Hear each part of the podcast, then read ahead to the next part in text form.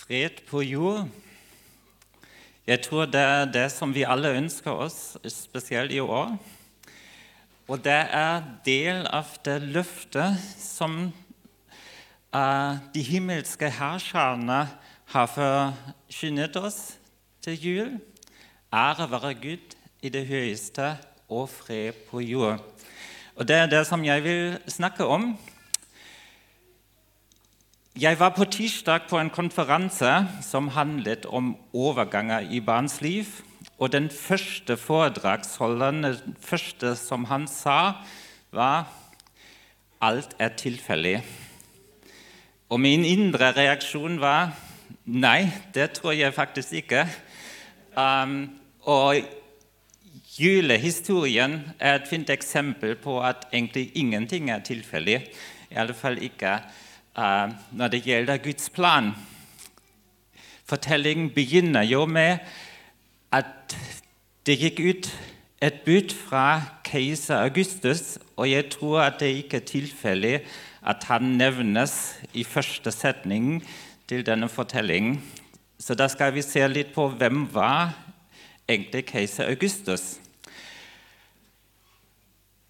Han uh, ble født i året 63 før Kristus. Han ble adoptert av Julius Cæsar. Og det var jo en tid med mye krig, så Cæsar har kjempet mye. Så ble han drept.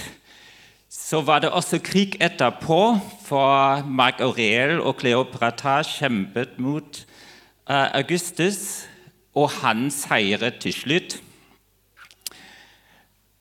Og da opprettet han et rike og prøvde å, å skape et, et, rettssystem og et skattesystem.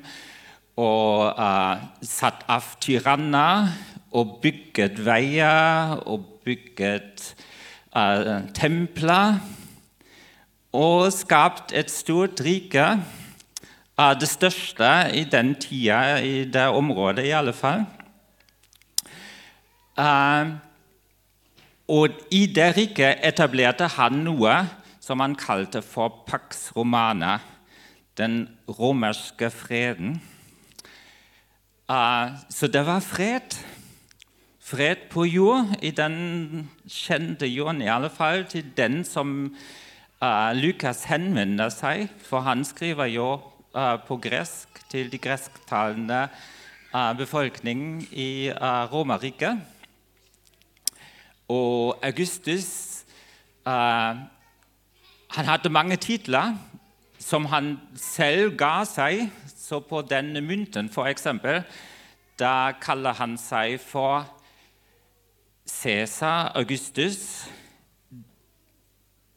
Divi filius pater patrie, som betyr keiser, den opphøyde, guddommelige sønn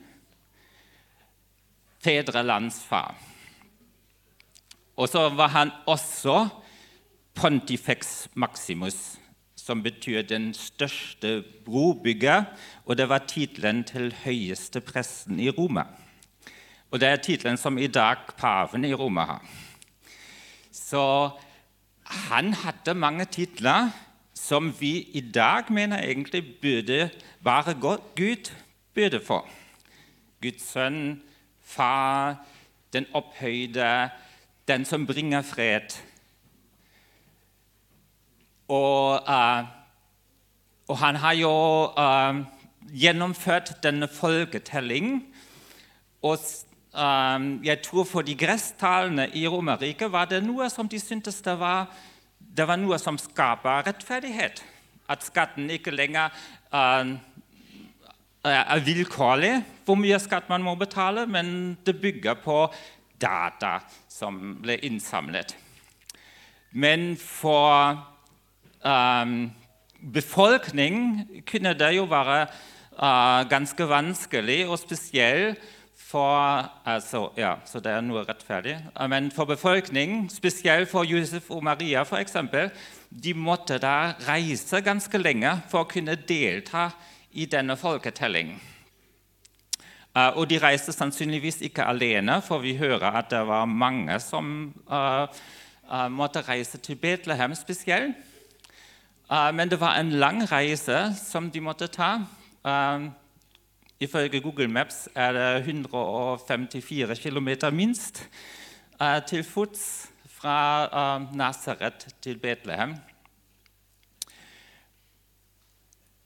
Og da de kom dit, så var det tid at Maria skulle få sitt barn. Um, og hun fikk altså et barn, og det ble sagt to ting som bare Lukas forteller om det barnet, som jeg tror er ganske viktige. Uh, det første er at hun svøpte barnet. Og noen mener at det påpeker på Jesus død. Men det var egentlig ganske vanlig i den tida at barn ble svøpt.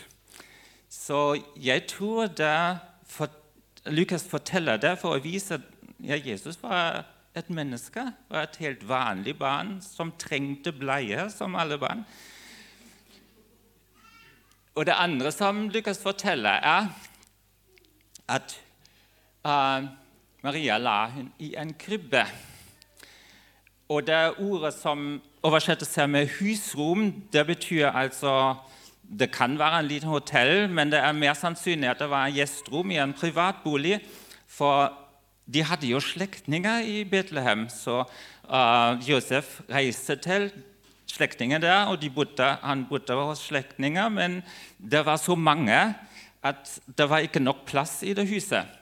Og i landsbyer i den tida var det altså slik at det var helt vanlig at man hadde på første etasje dyr, og stuer hadde man på andre etasje.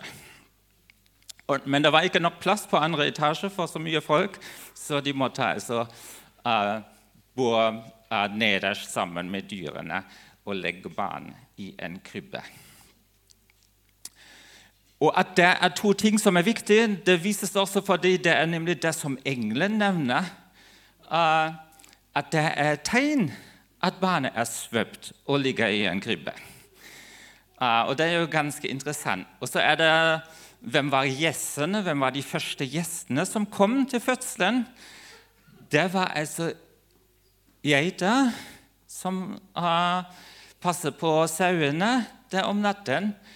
Og uh, de sa altså engelen og jeg tror det er en helt vanlig reaksjon at de var veldig redde. Uh, Tenk dere å være ute på marken om natten, og så kom det plutselig et sterkt lys. Og så er det en skikkelse som dere ikke vet riktig, ikke har sett før. Og, og begynner å snakke. Og det første som han sier, er 'frykt ikke'.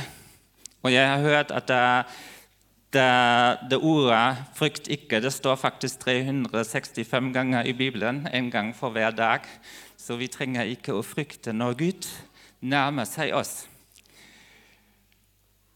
Og så forteller engelen altså forkynner en stor glede og at et barn er født, og barnet skal være frelser.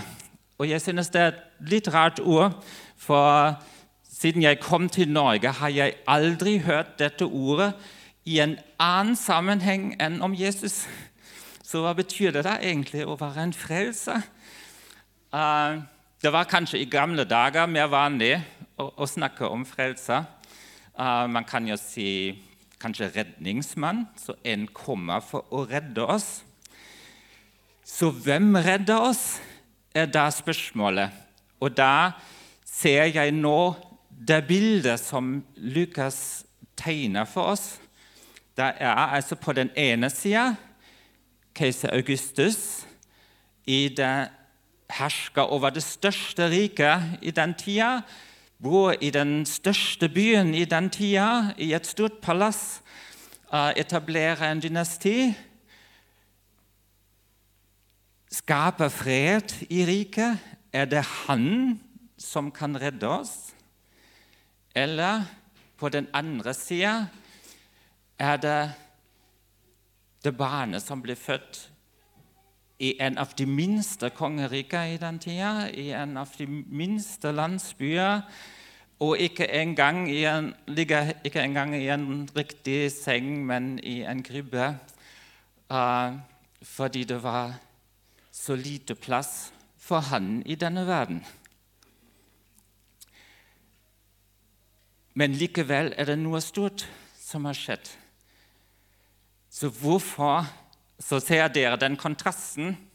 Uh, det er noe viktig som har skjedd. Den, den kjente tyske teologen uh, Dietrich Bonhoeffer har en gang skrevet når Gud selv ønsker å komme inn i denne verden, i Betlehems krybbe, er ikke dette en idyllisk familiesak, men det er begynnelsen på en fullstendig omvendning, en ny ordning av alle ting på jorden.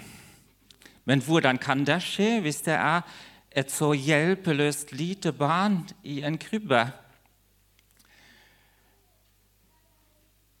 Og da kan vi se på det som de himmelske herskerne sier, for det var jo målet. Ære være Gud i det høyeste og fred på jorden. Men setningen slutter ikke der. Der står det Anne, Ja, der står det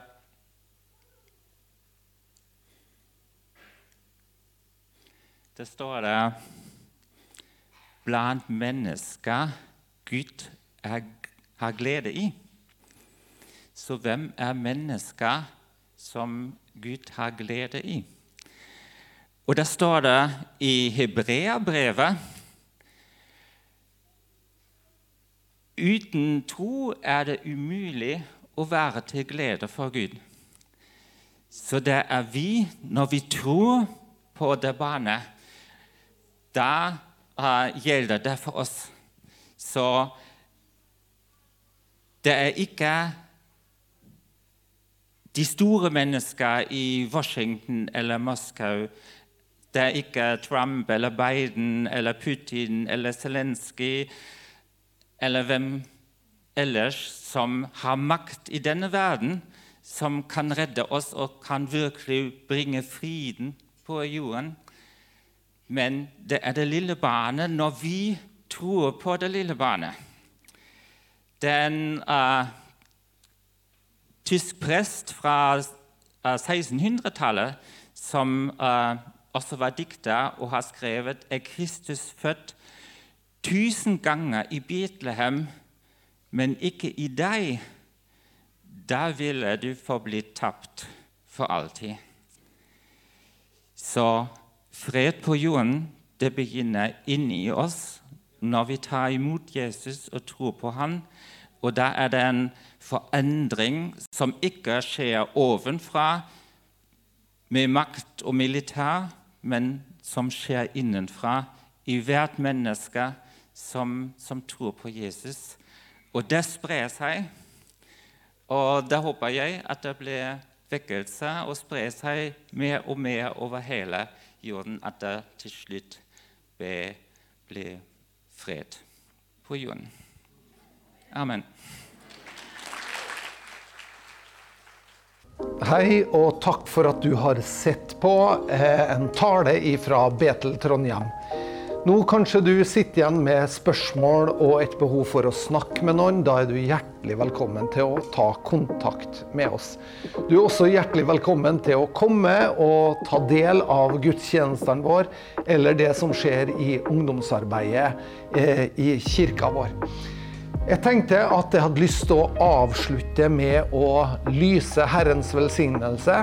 Så vær så god, ta imot. Herren velsigne det og bevare det. Herren la sitt ansikt lyse over det og være det nådig. Herren løfte sitt åsyn på det og gi det fred.